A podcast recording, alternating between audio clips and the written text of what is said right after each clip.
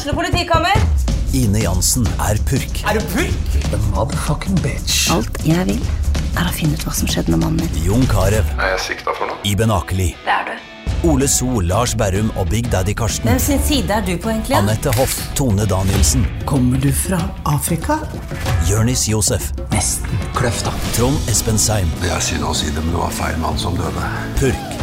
Premiere tirsdag på TV2 Play.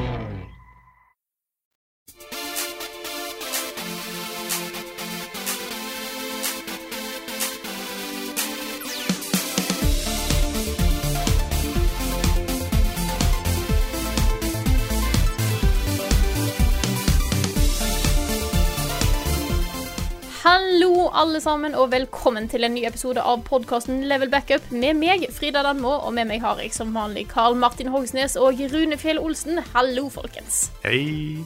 Hei, Frida. Hvordan går det med dere i dag? Bra. Awesome. Awesome. Ja. Awesome. Jeg våkna av en flue i dag. Ah, shit. Det er så sykt irriterende når du får en flue opp i øret. Og så, og så er det veldig rart at det skjer i januar. så jeg, jeg har ikke helt skjønt at, hvordan det har skjedd. Nei. Jeg har fortsatt ikke filmen, men uh, Get with the program, Mr. Fly, liksom. ja, Ja. dette er ikke sesong for deg. Nei. Så ja, det var litt sånn der, eh, start, på, start på dagen. Ellers så det har gått oppover derfra. Ja, det er bra. det er bra. Mm. Ja, her òg går det fint. Jeg har eh, en, sånn, en sånn snufs som bare ikke har gitt seg. I dag kjente jeg at jeg var litt eh, sår i halsen, så jeg håper ikke jeg begynner å bli sjuk igjen. Eh, men forhåpentligvis så gir det seg. Det er jo eh, det er så mange rundt som er sjuke nå for tida, sånn at det, det er kanskje litt vanskelig å unngå, men sånn er det bare. Sånn er det. Bor i Norge, ass. Ja. Jeg har en tanke om at det kanskje kan være fordi at det er bitte litt kaldt på soverommet. Fordi at vi har ikke god nok varme der. Men jeg har bestilt meg ovn. Så jeg skal ha på soverommet, så blir det nice and toasty der, altså. Så det blir, eh, det blir bra. Det er lurt. Høres digg ut. Ja. Skal vi gå og snakke om noe Eller skal vi begynne å snakke om hva vi har spilt i det siste? Ja, vi kan gå, vi kan la bytte oss rom. gå et Ja, skal- annet sted. Bytte et rom, og så Jeg skulle til å si ja. gå over til noe annet, men så plutselig så slutta setningen å funke halvveis inni. Vi skal ha et sånn Vi skal ha sånn spillrom. Så vi, nå går vi inn i spillrommet, og så prater vi om hva vi har spilt. Og så går vi inn i nyhetsrommet, og så prater vi om nyheter. Ja. Setter du ikke pris på at vi arresterer deg på alle de eh, Jo, vet du hva?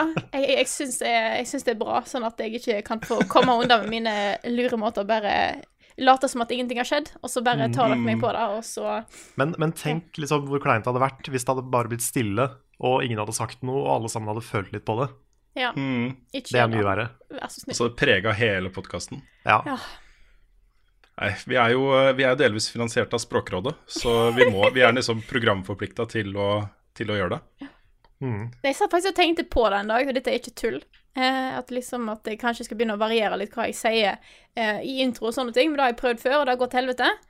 Eh, og da har jeg på sånn, ja, hvis jeg gjør det, så kommer jo de andre bare og sier ifra om at jeg sier ting feil og greier. Ja, OK, men så husker jeg at det var en gang Rune sa i forhold til feil. Ja da. Så jeg tenkte jeg å prøve feil, liksom. Jeg tenkte tenkt å på en måte få med meg hver gang dere sier noe feil, og kunne arrestere Ja. dere på det, sånn at jeg kan ta litt hevn. Så da er på en måte, det er bare til å forberede seg. ja og det skjer, det skjer ofte. Ja da, det skjer ofte. Jeg har et forslag til deg, Frida. Ja. Du kan ta også i det stille, uten å si noe, bare spare på alle gangene vi sier eh, feil. Og så lage en sånn på slutten av en sesong, f.eks., om sommeren, bare spille av. Liksom hele, hele reelen med alle de gangene jeg og Carl sier noe feil. I hvert fall jeg, da, som er mest sånn på hugget på de tingene. Ja, jeg, Det for jeg, jeg, er sånn, jeg har veldig høy, høy takhøyde, går det an å si det? For, for sånne ting. Jeg er sånn der, jeg syns det er gøy. Jeg er ikke sånn som jeg liksom Nå sa du noe feil. Jeg er mer sånn Hæ?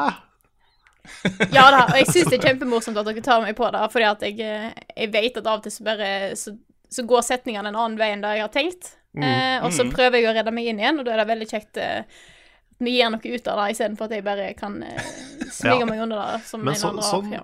sånn blir det når man har en sånn snakk rett fra levra-podkast. Mm. For det er eh, Altså, jeg vet ikke om folk har, lagt, har tenkt på det, men man snakker ikke grammatisk korrekt hele tida. Altså. Man gjør ikke det. Man gjør ikke det. Jeg tror jeg ikke det er noen som gjør. Nei. Og så må jeg legge til at jeg blir jo ikke oppriktig sint, da. Nei, det er bra. Eller jeg blir ikke engang irritert. Nei, OK. Bortsett fra den gangen det ble sagt triologi, da var jeg faktisk redd Ja, for at du ble forbanna. da, da smalt det. Yes, Ja. skal vi gå videre, folkens? Ja, Det har du vi spilt. Rune? Jeg, jeg vet ikke ja, du, Siden vi sa det på streamen, så kan vel si det her også. Ja, vi kan, vi kan avsløre det. det er, nå er det official. Jeg har spilt bl uh, Dark Souls! Nå Dark Souls. Bloodborne. Dark Souls. Spilt Bloodborne igjen. igjen. Nei, endelig også Dark Souls. Jeg ble jo hijacka av eh, deg, Carl, og Svendsen. Mm. Uh, visste ikke hvorfor jeg skulle komme til deg og gjøre opptak. Nei, jeg ble litt tatt på senga av hvor mye du hater overraskelser, for det visste jeg ikke. Ja, det var eh, Man vet liksom aldri helt hvor terskelen for hva som er eh, eh, harmløs moro ligger for andre. Selv om jeg Nei. hadde ikke forventa at du skulle gjøre noe slemt mot meg. da Nei, fordi jeg føler ikke jeg er holdt på å si sadisten i leveløp, altså. Det er jo liksom du som finner på alle de fæle straffene og sånne ting. Det er bare den usikkerheten, bare det å ikke vite hva det er og sånne ting. Så, så, jeg, så jeg visste jo ikke det, men kommer dit. Det står tre mikrofoner lina opp. Det er jo bare du der. Og du filmer idet jeg kommer inn døra. Så jeg, her er det noe. Jeg skjønner jo det er noe. Mm. Uh, men da tenker jeg at det er kosekveld, da. At det er Bjørn som skal komme. Å ja. Men så kommer da Svendsen ut fra soverommet ditt. Bare sånn det, Nå er det Dark Souls liksom på gang. Mm. Uh, så det her er sånn øyeblikket jeg har venta på. da Det at jeg setter meg ned og spiller et Souls-spill. Så setter stor pris på den hijackinga der også. ja, men det er bra. Det, jeg har sett over litt av opptakene våre. Vi har to sessions nå. Mm. Og eh, den forrige, altså den vi hadde i går, var veldig lang. Ja, Jeg tror opptaket er seks-sju timer langt. Å, herregud. ja det, det stemmer det. Men da satt vi jo i tre kvarter og spiste pizza mens Ja gikk. så det var en pause der. Men uh, vi har mye video, og det kommer etter hvert. Jeg vet ikke helt når vi skal begynne å gi ut episoder. Nei. Men um, konseptet er da at Rune spiller eh, Dark Souls, mens Svendsen og jeg er cheerleaders på sida. Mm. Nice. Og det er jo, det er jo innmari bra. Det, ikke uventa så er jeg veldig glad i det spillet allerede. Um, det hadde jeg forventa. Jeg sliter jo litt med å venne meg til den litt mer sånn defensive spillestilen som man må ha her. Um, noen ganger så får jeg godt betalt for å spille litt sånn bloodborne, crazy uh, action, rulle inn i fiender og sånt. Det er de løs. Eh, Ja, men stort sett så går jo det gærent, da. Ja, det er litt sånn high risk, high reward, akkurat det der. ja, det er det. Men ofte high risk. Mm. Så er det jo Vi snakka litt om det helt i starten av, eh, av eh, denne spillegreia også.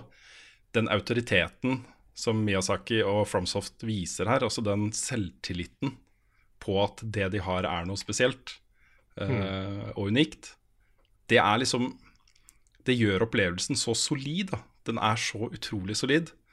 Um, og det universet de har lagd, er Det er bare dritbra. Altså, det er et univers som bare står på påler, liksom. Det er ikke noe som vingler her i det hele tatt. Det er fjellstøtt. Dritbra er monsterdesign, dritbra verdendesign, utrolig bra level-design. Kjempebra combat. Det er, det er nydelig, rett og slett. Mm. Og det gikk imot så mange konvensjoner på den tida også. Mm. Nå var jo Demon's Souls først, men Dark Souls var på en måte det spillet som sementerte den oppskriften. da. Ja. For Demon's Souls hadde veldig mye av det, men Dark Souls perfeksjonerte det litt, føler jeg. Mm. Og eh, man tuller jo mye med at eh, alt ligner på Dark Souls nå. Men det er jo en grunn til at det har skjedd. Mm. Det spillet har jo faktisk revolusjonert gaming. På mange måter. Ja, det, det har vært på en måte en litt sånn sakte revolusjon også. Det har sneket seg inn i spillmediet over flere år nå, føler jeg. Mm. Um, hvor, uh, hvor det å på en måte ikke dulle med spillerne nødvendigvis er veien å gå. da. Det er noen som gjør det. Også noen som uh, lager litt sånn kniv gjennom varmt smør-spillopplevelser også. Uh, men det at man har et rom for å virkelig utfordre spillere, det føler jeg Soul-spillene har mye av æren for også. Mm. Det å popularisere det. Ja, og så er de så gode på at uh, nå, Vi har snakka så veldig mye om de tingene her i andre, an- andre, andre du samtaler før. Å nei da. Men, uh, men det er det der å bruke den vanskelighetsgraden som et verktøy for å få deg til å leve deg mer inn i spillet. Mm. Og det syns jeg det gjør veldig bra. For Ja. du får Det er jo veldig mørke Litt sånn tunge, uh, vanskelige verdener, dette her. Hvor det er ganske trist, og det er ganske dystert. Eh, og den vanskelighetsgraden eh, og den brutaliteten i det, da, Mm. den gjør den verden så mye mer sterk, føler jeg. Mm. Ja, det er også at du står og stanger en del, gjør jo at du blir godt kjent med disse miljøene. Etter hvert så er det sånn lommekjent på snarveier og hvor ting er i forhold til hverandre. Og, ja Jarnum i Bloodborne kan jeg sikkert uh, løpe gjennom i søvne nå. ikke sant? Så ja. Nei, det er, eh, jeg gleder meg virkelig til å få fullført det spillet. Og det er jo den ene tingen som jeg er litt stressa på, fordi nå har jeg jo lyst til å spille mer. Men Svendsen bor jo i Hø Hønefoss, Ja, han må jo liksom ta en god tur hver gang. ikke sant? Så, men det tar vi oss, oss råd til. Vi må få han inn sånn litt jevnlig nå, til vi er ferdige, føler jeg. Må det. Så er det hyggelig å få med Svendsen eh, på ting. Det er, eh, Mm. han, er jo, han er jo i Hønefoss. Det er liksom ikke så ofte vi får møtes fysisk ellers. Mm. Og apropos uh, Let's Play-serier på kanalen vår, så kommer det jo en til på søndag. Førstkommende søndag. Da kommer første episode i uh, Rune spiller Minecraft med ungene sine. Og Rune er da meg, Yes. og det er da mine unger det er snakk om. Ikke andre sine unger? unger. Nei, det er mine egne Ja. unger. Nei, Tenk om det var en annen Rune med andre barn. Det hadde vært litt morsomt, da. Det har vært en plot hadde vært uh, ordentlig gøy. Nei, uh, vi har jo uh, kommet, Vi har jo gjort det vi har planla å gjøre, som liksom endelig målet i dette spillet. Det var å møte Ender Dragon. Um, så da tenkte jeg nå er alt, alt er filma, alt er på tape. det er jo ikke på tape, det er på fil, men um, På rull. på rull. Det er på rull, liksom. Ja, det er på rull. Ja, ja. Så nå har jeg alle Jeg har alt råmaterialet, og da går det an å begynne. Og jeg har klippet 11 episoder. Uh, tipper det blir sånn rundt 30 til sammen. Cirka. Så den kommer til å rulle og gå lenge framover. Og det er jo dritflaut å sitte og se på de første videoene. Jeg, jeg kan jo ingenting. Jeg gjør alt feil. Ja. ja. Men uh, ja. Det, er, det er litt som vi var inne på i den nyeste Film i tull-episoden, uh, som vi filma i går. Mm. At eh, hvis du spiller liksom en blind Let's Play, så er du flau over de første episodene før du har lasta de opp. ja. Det er liksom Før kommentarene kommer, så er du allerede litt sånn pinlig berørt. Ja da. Det er sånn Jeg vurderer nesten å legge på en disclaimer i forkant, liksom. Bare Jeg gjør oppmerksom på at uh, det er en del ting i Minecraft jeg ikke har lært ennå. mm, Go easy on me, liksom. ja. Ja, ja. Jeg tror folk er- skjønner det. Men det som Ja. er morsomt, er at uh, om fire år så kommer en eller annen person til å se den første episoden for første gang, og komme og gi deg masse tips. ja. Det får jeg fortsatt på mine liksom, aller første Minecraft-videoer fra ti år siden. Oh, det er bare å, bare å glede seg. Men det har vært en, eh, en fantastisk opplevelse. Vi har vært på en reise sammen. Nå skal det jo sies at uh, i løpet av den reisen så var det enkelte deler av det spillet som ikke fenga så mye for ungene mine, som jeg ble veldig glad i. Det å grinde ut uh, materialer og sånt syns jeg var kjempegøy. Uh, og da var de gjerne gjorde andre ting. Så jeg gjorde en del arbeid som ikke er på, på tape. Rull. Rull. rull. På bånd. Um, Fisk. På bånd. Fisk, ja. Så um, Jeg sa disk. kom Hm? Jeg sa disk, ikke fisk. Disk er på disk på fisk. jeg jeg, jeg syns det var veldig morsomt, det. Ja, At du bare fant på et nytt medium for, uh, for uh, filmopptak. Ja, okay. ja fisk. bytta fra sånn ekstern harddisk til sånn fisk. Jeg Nei, så det er massevis. Det er sikkert, sikkert 100 timer som ikke det er opptak av. Uh, Men det er jo alle de tingene vi gjør i fellesskap, da, som, uh, som er med. Ja. Det, er ikke, det er ikke alle Film i tull-spillene som har slått an 100% men jeg er ganske fornøyd med at uh, to av de traff så bra. Mm. Jeg også. Og det er uh, En ting som jeg er litt spent på nå, det er hvor sterkt Bloodborne kommer til å holde seg kontra de andre Souls-spillene. Jeg har jo en mistanke om at det for alltid vil være altså min første kjærlighet. Vil stå sterkest, som det gjør i en del andre serier. Selv om f.eks. Metal Gear Solid 3, da, som er det jeg mener er det beste Metal Gear-spillet Jeg sier jo fortsatt at jeg liker Metal Gear Solid 1 best, fordi det var det første i Solid-serien. Mm. Så Ja, altså Bloodborne er ikke min, det var ikke min første Souls-kjærlighet, men det er min største for det. det er det, ja, fortsatt. Ok. Ja, Det er favorittspillet mitt i den serien. Mm.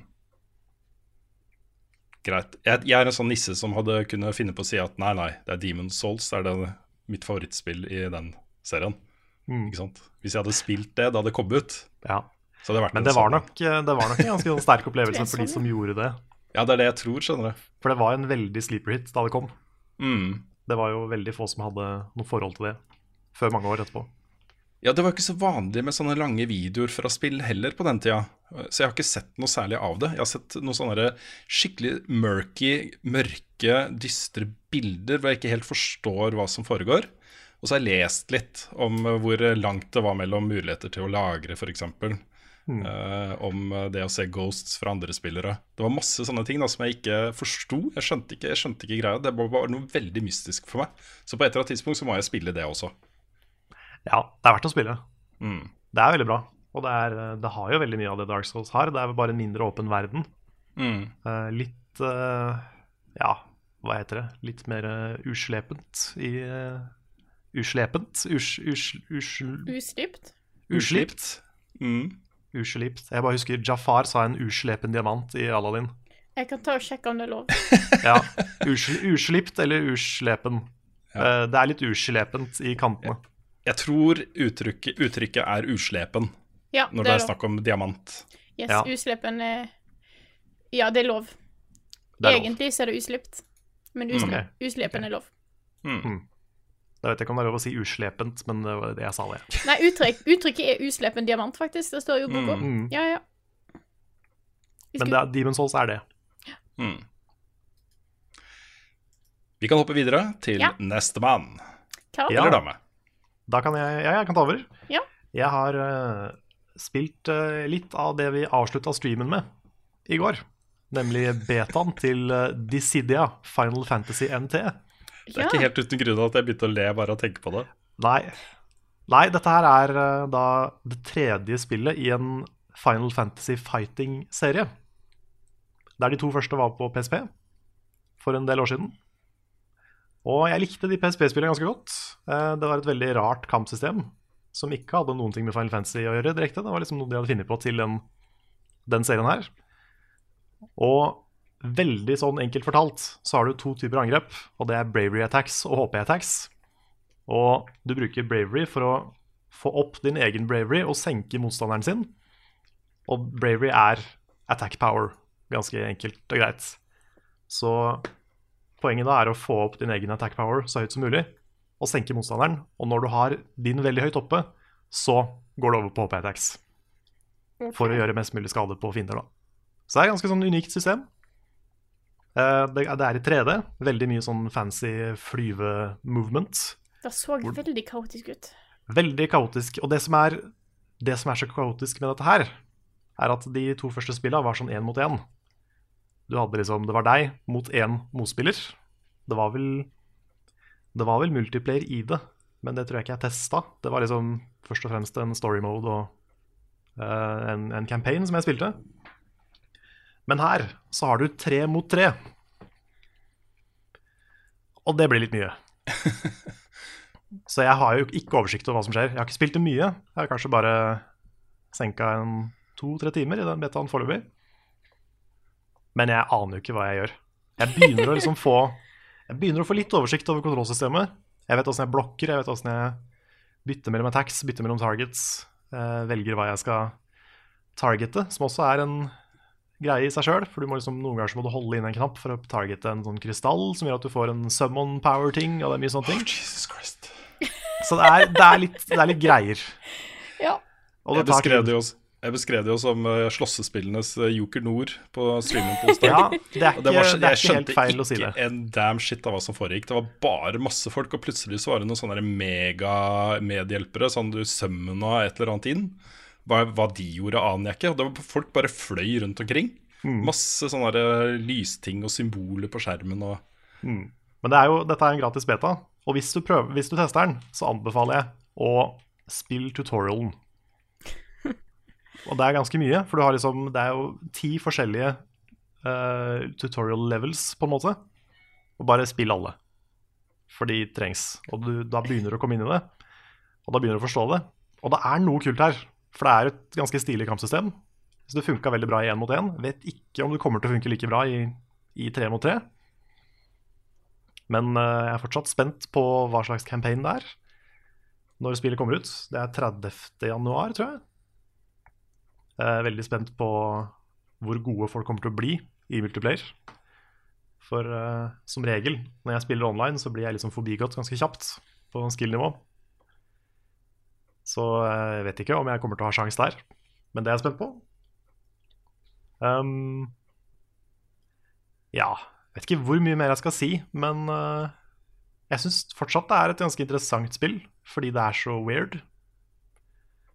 Og det kan hende, liksom, hvis, hvis det er så solid som det kan være, da, så tror jeg folk kan bli ganske gode i det. Det kan bli ganske kult å se på etter hvert. I hvert fall hvis man Så fort man begynner å skjønne det, så er det litt kult å se på. Du sier at det er tre mot tre. Vil, vil det bety at man kan være seks enkeltspillere på én match online? Det vet jeg ikke. Men jeg tror ikke det. Okay. Jeg tror det er to lag som er eh, konseptet. Nettopp, og én spiller styrer hvert sitt lag. Nei, en spiller styrer hver, hver sin figur. Men du er det totalt Ja. seks, da. Ja, det kan Ja, være seks enkeltpersoner som styrer hver sin Å ja, sånn er Jeg trodde du mente Ja. alle mot alle, jeg nå. Nei, nei. Nei, ok, nei, det, det kan det være. Så det er, det er tre spillere på hvert lag. Tror du det kommer en én-mot-én-modus også på det, siden det var eh, starten? Ja, det tror jeg. Mm. Jeg tror det er der. Jeg Ja. går ut fra at det er der. Mm. Men det betaen her fokuserer veldig på multiplayer-delen. da. Ja, nettopp. Så um, litt begrensa hva jeg vet. Men uh, det er jo også veldig mye fanservice i det. Dette er jo et, uh, et spill hvor du tar alle hovedpersonene, nesten, og alle bad guysa fra alle Final Fantasy-spilla i hovedserien, og setter dem sammen i ett spill. Så det er jo litt sånn Final Fantasy Avengers over det her, Mm. som er kult. Eh, Du har også et lootbox-system, men det er gratis. Og det syns jeg også er litt sånn Man skal ikke gratulere folk for at de ikke er onde, på en måte, men jeg syns Mm. det var eh, litt kult å se at de faktisk ikke lot deg bruke penger på dem. Gjett. Gjett. Ja, for det, det, det kan skje. Har, eh, så vidt jeg har skjønt, så kommer det ikke til å skje. Det kan patches inn, men så lenge det ikke gjør det, så, så er det ikke noe problem med det. Da er det liksom OK. Det er et slags pro progresjonssystem, og det er greit. Mm.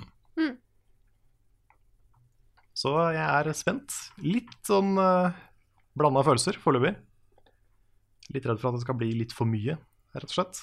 Det er litt som en sånn åtteplayer smash akkurat nå, hvor det bare skjer alt på en gang, og du får ikke helt kontroll. Ja. Men uh, kanskje det er noe man venner seg til. Her og nå. Maybe. Så jeg, jeg venter i spenning på, på full versjon. Mm. Så det Ja. var en, en min review av eh, Final Fantasy Dissidia Beta. Ja. Er det noe mer du har spilt, eller kun da? Nei, det er mest det. Jeg har, spilt, jeg har jo spilt litt andre ting, men det er, eh, det er liksom ting jeg har pratet om før. Ja. Så du kan, du kan få lov å fortsette, Frida. Da tar jeg over og sier at jeg har spilt et eh, Jeg har spilt et veldig koselig spill. Rett gjennom fullstendig koselig. Ingenting annet enn koselig. Dokki Dokki? Dokki Dokki Literature Club. Yes. Nå har jeg endelig eh, fått eh, komme gjennom det. Jeg har, en, jeg har et par spill som står på lista som jeg vil komme gjennom før jeg kommer med en eventuell uh, topp 10 2017-liste. Og nå har jeg altså kommet meg gjennom Doki Doki. Det var et spill. Ja. Ja. Hva, hvordan føles det? Uh, jeg Det var Ja, hvor mye kan jeg snakke om dette? da? Det føles uh, interessant å komme gjennom det.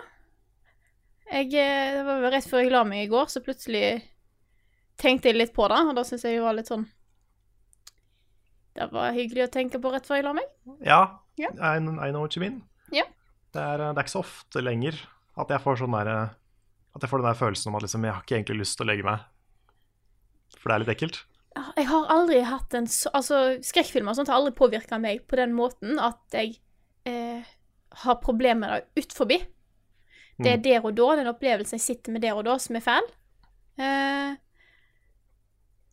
men uh, det er sånn Det er et par uttrykk til noen av karakterene som sitter litt sånn fast. Ja. I know what you mean. Det, er, det er så langt jeg tør å gå inn på det uten å på en måte Ja. Ja, ja det er vanskelig Dette- å prate om det uten å spoile. Dette her er i ferd med å bli en sånn ting som, eh, som alle snakker om. Ingen sier akkurat hva det er. Alle bare snakker om det, og eh, det er i ferd med å bli litt sånn mytologisk, hele den tingen. At man, har et, man har et bilder i hodet som man ikke aner om stemmer, eller også De er ikke engang fokuserte, liksom. Det er sånn uklart bilde av noe veldig skummelt eller noe annerledes eller rart eller et eller annet. Ingen vet helt hva det er, da, med mindre du har spilt det, ikke sant? Litt den derre jeg vet ikke, følelsen av å grue seg til man skal fly eller et eller annet, før man liksom setter seg ned for å konfrontere de bildene man har i hodet, da. Mm. Uh, jeg tenker mye på Doki Doki, jeg har ikke spilt et sekund av det. Nei. Anbefaler å gjøre det før noen spoiler. Uh... Ja, jeg skal få gjort det også. Ja. Mm. Nei, det Men jeg syns jo, i tillegg til at det er liksom overraskende og tar deg på senga på den måten, så er det samtidig veldig bra. Ja. Jeg eh, syns at eh, det de gjør, gjør de veldig bra. De tar noen grep her som er veldig stilige, og litt sånn ting jeg ikke har sett før. Mm. Og så er det på en måte ikke de mer sånne mørke, alvorlige tinga som ligger der, da. De er håndtert på en ganske god måte, syns jeg. Mm. At det faktisk er litt troverdig. Noe av det. Jeg tror de fleste har fått med seg på dette tidspunktet her nå at dette er et spill som ikke er koselig all the way through. Så, Nei. nei. Så Det er definitivt ikke. Nei. Ute gratis på Steam. Ja, Gratis på Steam, ikke minst. Ja, Jeg må spørre ta- deg, Frida. Hei. Hvem gikk du for i starten? Eh, jeg gikk jo selvfølgelig for The Mystery Girl med langt blått hår, som var litt sjenert. Ja. Ja. Yui, er det ikke det? Ju- Jury. Yuri. Ja, Juri. Mm. Det var eh, Jeg var litt sånn Jeg sleit meg litt mellom henne og Sayori. Ja. Jeg òg. Mm. Men jeg har eh, jeg, jeg, jeg har ikke sett noe annet av det enn det jeg har spilt. Jeg vurderer å spille det på nytt bare for å teste en annen ting, da. Bare for å se. Så ja. Det er jo en eh, Det er jo en secret ending i spillet. Det er det, ja. Men det, det krever ganske mye jobb. ja det Så jeg jeg, jeg YouTuba den, for å si det sånn. Ja. Men, eh, men det går an. Skal ta og sjekke det ut. Spørs hvor mye tid jeg har. Ja, det er lov. YouTube Secret Endings, det syns jeg. Ja, jeg syns det. I hvert fall hvis det krever liksom veldig veldig mange timer. Men noe du har gjort før. Oi, ja.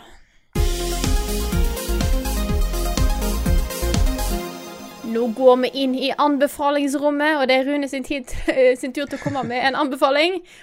Callback, vet du, til tidligere. Ja, Ja, det var bra, Frida. Jeg hadde allerede glemt det, og så bare you brought it back. Ja, ja, sant. Det er kjempebra.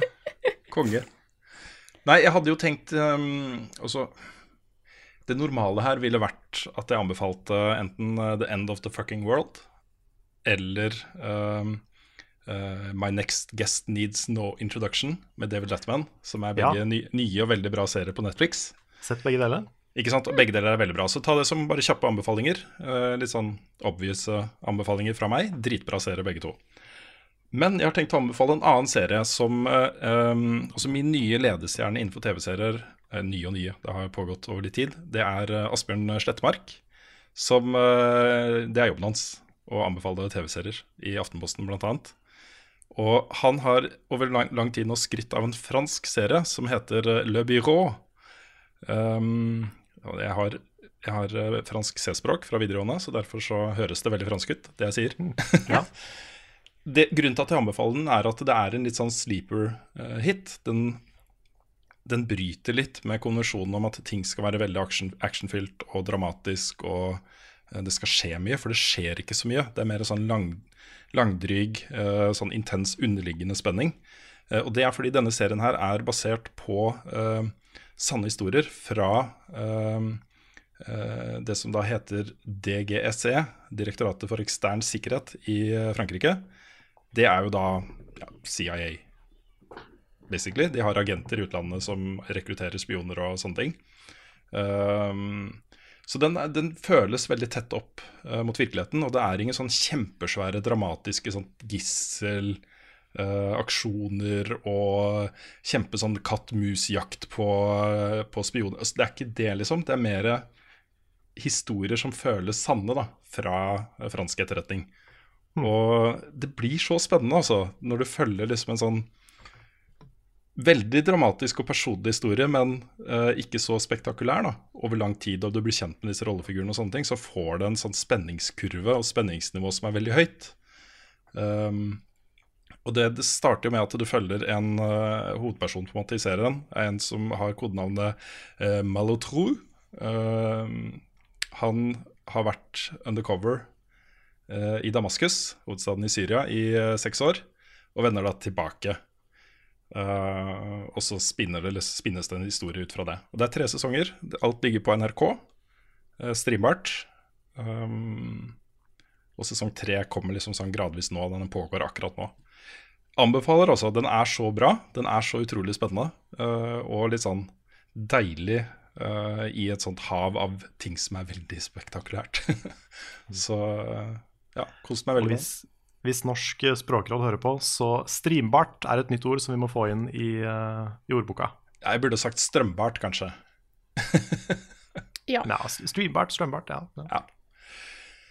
Jeg vet ikke, Har dere hørt om den? Har dere sett den? Ikke hørt om den. Nei? Nei, anbefales altså. Veldig, Ja. veldig, veldig bra. Når du sa liksom realistisk politiserie, så fikk jeg litt assosiasjoner til den serien til Åpen post. hvor, de, hvor de liksom er en ekte norsk politistasjon, og så er det sånn Det er kø på printeren! og sånn der, Tok du ikke kvittering? Og så den type historier, da. Det var kjempemorsomt. Men jeg, jeg skjønner at det ikke er det. Nei, også Her ligger eksempel, mye av dramatikken og spenningen ligger i, bare for å ta ett eksempel på en sånn ting som ikke er direkte um, uh, direkte knytta til det lange plottet i serien. Så er det da en som eh, Det er ikke lov til å ta med seg dokumenter hjem. Uh, og hun gjør det, da, ved et uhell. Har noen sånne uh, hemmelighets... hva heter det?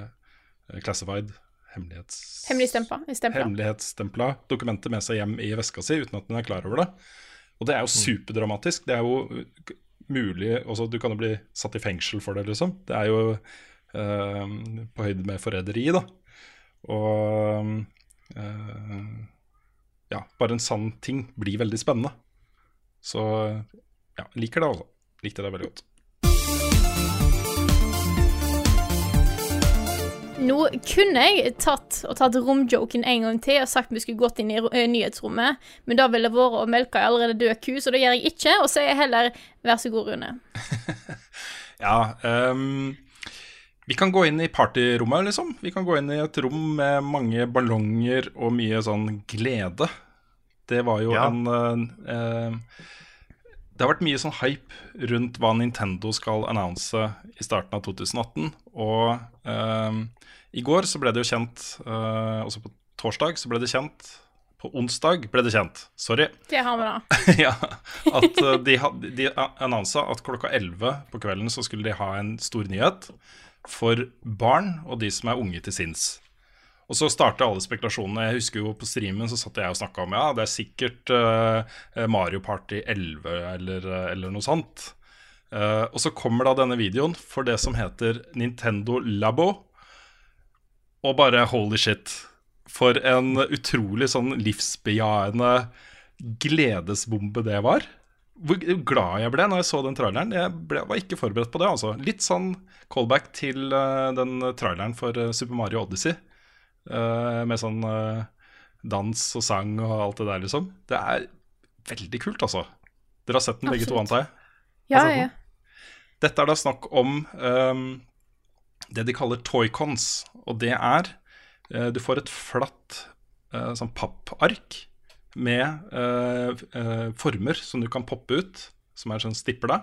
Og så bretter du og fester det til andre ting. Uh, og det som ble vist fram, var en sånn radiostyrt bil. en fiskestang. eh, et eh, dukkehus. eh, en sånn eh, vrom-vrom-motorsykkelratt. Eh, Et piano og et sånt dritfett robotkit. Hvor du tar på deg en ryggsekk. det, det høres så helt teit ut. Alt er papp, da. Men så fester du da joycons og uh, uh, gamepaden inn i disse tingene, og så blir det noe annet. Og det er bare Ja! Dette, dette er bare Dette er Nintendo for meg, da. Det å Det er leke, Nintendo. ikke sant? Det å leke og eksperimentere med nye ting og bare overraske oss. På samme måte Mm. som de overraska, oss med WeMote uh, i 2005.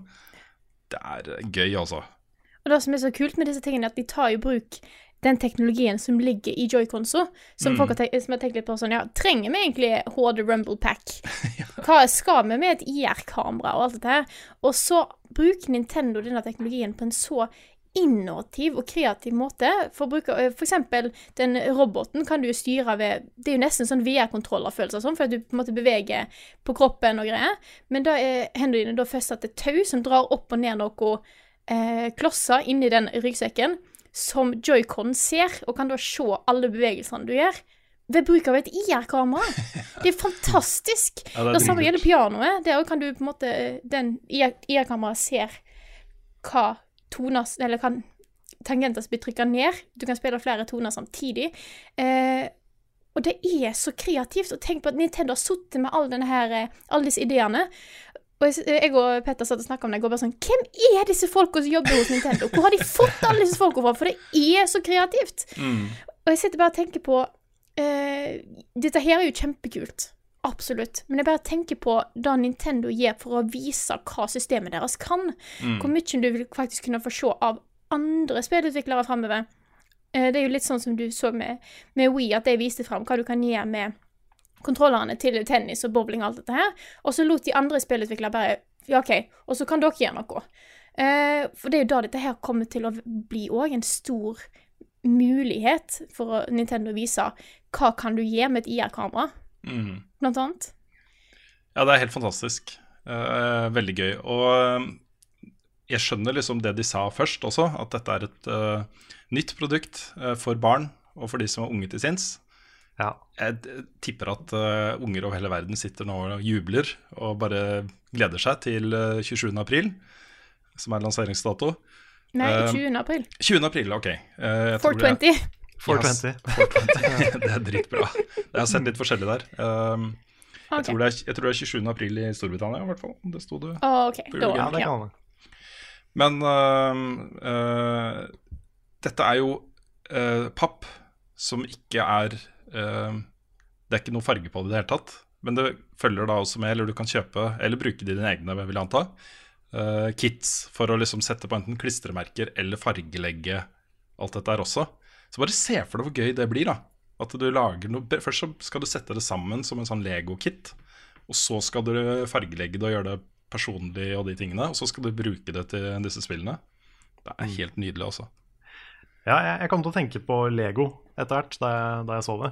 Fordi jeg var en sånn kid som liksom alltid bygde masse Lego, men jeg lekte aldri med det etterpå. Det var liksom den byggedelen som var gøy. Mm. Men her har du på en måte en ting du kan bygge først, og så er det et spill etterpå. Mm. Det er ganske kult. At du Tenk får liksom den derre ja. ja. Tenk om Ja, du ikke får kommet til 3D-printa nå. Mm. Ja. Mm. ja, du får den der Først så får du den der byggegreia, den der litt sånn MacGyver-delen, hvor du bare kan lage noe kult, og så kan du personalisere det litt, og så kan du liksom bruke det i in game, da. Mm. Ja, den delen liker jeg veldig godt. Du faktisk har en grunn til liksom Hvis du er en sånn som liker å bygge, men ikke er så glad i å bare leke med en pappdings, liksom, Mm. så, så har du en grunn til å gjøre det også. Det er helt sant. Så det er, det er liksom litt sånn multi, multifunksjonelt. Det vil jo komme i to forskjellige kits. En som de kaller variety kit. Eh, Og der får du den eh, radiostyrte bilen, eh, fiskestanga, dukkehuset, eh, motorsykkelrattet og piano. Og så er det en robotkit hvor du får den ryggsekken og de tingene som Ja. Og det følger også med et spill hvor du styrer en sånn MEC-robot som driver og smasher ting og sånt. Det er jo Project Giant Robot, som var vist til Wii U for mange år siden, men som ble skrinlagt. Mm, Miyamotos- Miyamoto-prosjekt, faktisk. Mm. Mm. Eh, prisen er jo den ene tingen som man kan sitte og murre litt over. Uh, jeg ser at i USA så koster Variety Kit eh, 70 dollar, mens robotkittet med spill koster 80 dollar. Så det er jo snakk om en del penger, dette her. Overførbart så eh, tar man jo vanligvis tigangeren, så vi snakker 700-800 kroner. Kanskje til og med litt mer for det her i Norge. Men det følger jo med spill til begge to, Ja så det er jo et fullskala, eh, ser det ut som, nå, spill Mm. med ulike ting. Og leke til unger er jo ikke billig, Nei da, men så jeg har eh, fått med meg, men det er litt dyrt, det da. Kanskje, kanskje Jeg ser, jeg ser noen, eh, noen hisser seg veldig opp og sier ja, det er 700 kroner for litt papp, men det er jo også et spill. Det er viktig å huske på Ja. Mm. Så det er jo ikke, det er jo ikke, du betaler jo ikke hundrevis av kroner for pappen, men du betaler litt for pappen. Mm. Ja. En ting som jeg syns er veldig koselig her, det er um, callbacket til hvem Nintendo var før. Før de begynte å lage spill. Fordi uh, dette er jo et veldig gammelt selskap. Og de har alltid holdt på med leketøy, men de har holdt på med veldig mange andre ting også. Uh, og en av de Love tingene Hotel. som hm? Love Hotel har de ikke hatt engang. Jo da, de har, de har masse rart. um, på 60- og 70-tallet så gjorde de mange fremstøt for å komme inn på leketøysmarkedet skikkelig. Uh, Fram til da så hadde det vært The Card Company. De hadde jo spillekort eh, av mange forskjellige typer. Eh, og det de da hadde inhouse, var jo uh, trykk... Pre, også, hva heter det? Sånne eh, press, hva heter det? Sånne eh, Trykkpresse, heter det det? Trykkpresse? Ja, man lager Ja. kort. Ja, Man legger Ja, inn papp, ja, ja. og så får man kort. Eh, de hadde jo det, så da lagde de en serie som het Paper Models. Uh, hvor du, du kunne gjøre akkurat det samme. Du fikk et pappark hvor du dytta ut ting, og så satte du det sammen og limte, og sånn, så ble det en bil f.eks., eller et hus, eller hva som helst. da Så de hadde en hel serie med sånne produkter på 70-tallet, 70-tallet, og nå er de på en måte tilbake der, da. I mm. 2018. Jeg syns det er eh, Det er noe der som gjør meg litt sånn varm i hjertet. Det er veldig koselig, egentlig. Mm. Mm. er en herlig nyhet og en, eh, en eh, litt sånn herlig, herlig illustrering av hva Nintendo fortsatt er, da. Så jeg ble veldig glad når jeg så dette her. Ja.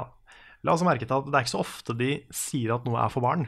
Mm. Nei, det er sant. Men uh, det gjorde meg altså litt forberedt på at den nyheten kom til å være noe Eh, Ikke at det kom til å være dette her, det kunne jeg ikke forberedt meg på. men, uh, men at det kom til å være noe som var gira veldig mot de små. da. Mm. Og det er jo dette her. Så det er ikke, hvis mange tenker å se, ser den traileren og tenker at herregud, det her er ikke noe for meg, så er jo det fullt forståelig. Det er jo mange dette her ikke er noe for. Mm. Men jeg tror for en målgruppe som er litt yngre, så er det her eh, dritkult. Jeg tror mine unger kommer til å digge dette her, for å, for å si det sånn. Ja, det tror jeg du har rett i. Mm. Eh, vi kan hoppe videre til eh, eh, også vi, vi snakker om trender i spillmarkedet som, som er skiftende hele tiden. Eh, og det kan virke som om Microsoft har gått på en liten smell trendmessig der. For de har jo Fable-brandet. Og på et eh, tidspunkt så tenkte de at det er det ikke noe marked for. Så de begynte å lage Fable Legends, som jo ikke akkurat har blitt det man kan kalle en smash hit. Eh, jeg vet ikke engang om det er ute. Ingen snakker om det. Det er eh, ja, noe Nei, annet. nå husker jeg ikke i farta hva som skjedde med det spillet, men det er ikke så lenge siden jeg har Det Det er mulig at det ble kansellert til og med. Jeg husker ikke. Ja, jeg, lurer, jeg tror det ble kansellert, nemlig. Ja, for, ja fordi Ja. He hele Lionhead Studios ble jo nedlagt for to år siden. Um, det som ryktene nå sier, og det er ganske troverdig, så derfor uh, gjenforteller jeg dem, er at uh, Fable 4 nå er under utvikling hos Playground, som står bak Forza Horizon-spillene. Og eh, det blir jo sagt da at eh, grunnen til at den serien er løfta fram i lyset igjen, er suksessen til Horizon, Horizon og eh, Breath of the Wild.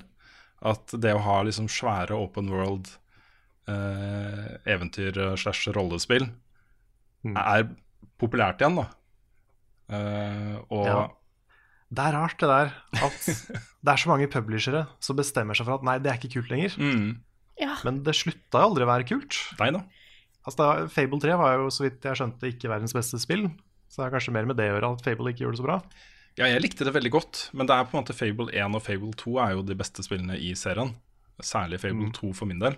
Men Mm. Ja. uh, Men liksom fantasy adventure-spill har jo aldri gått av moten, egentlig. nei, det har jo ikke det. Nei. Det er jo bare publishere som har bestemt at de har gjort det. Som, Mm. Samme som med skrekkspill en periode. Og...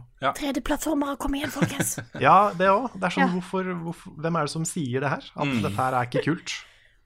Hvorfor sier man det? Nei, ofte så er det jo fordi markedet blir uh, flådda av, uh, av mange ganske like spill tematisk. Og så får folk litt nok, da. Så det er jo av og til Ja. gode grunner for å gå bort fra andre verdenskrig i skytespill, f.eks. Uh, Ja, men de, Ja. de går ikke bort fra skytespill på ikke samme sant? måte. De gjør ikke det. Nei. Men jeg blir i hvert fall glad, da. Også det er et bra studio, og de staffer opp nå, ifølge ryktene, med massevis av bra folk uh, for å kunne lage dette her. Eh, og det blir nok en svær, eh, svær satsing. Så eh, Jeg så at det var en, en av skaperne av Fable, ikke uh, Molyneux, men en av de andre, som hadde kommentert ryktene uh, i Eurogamer.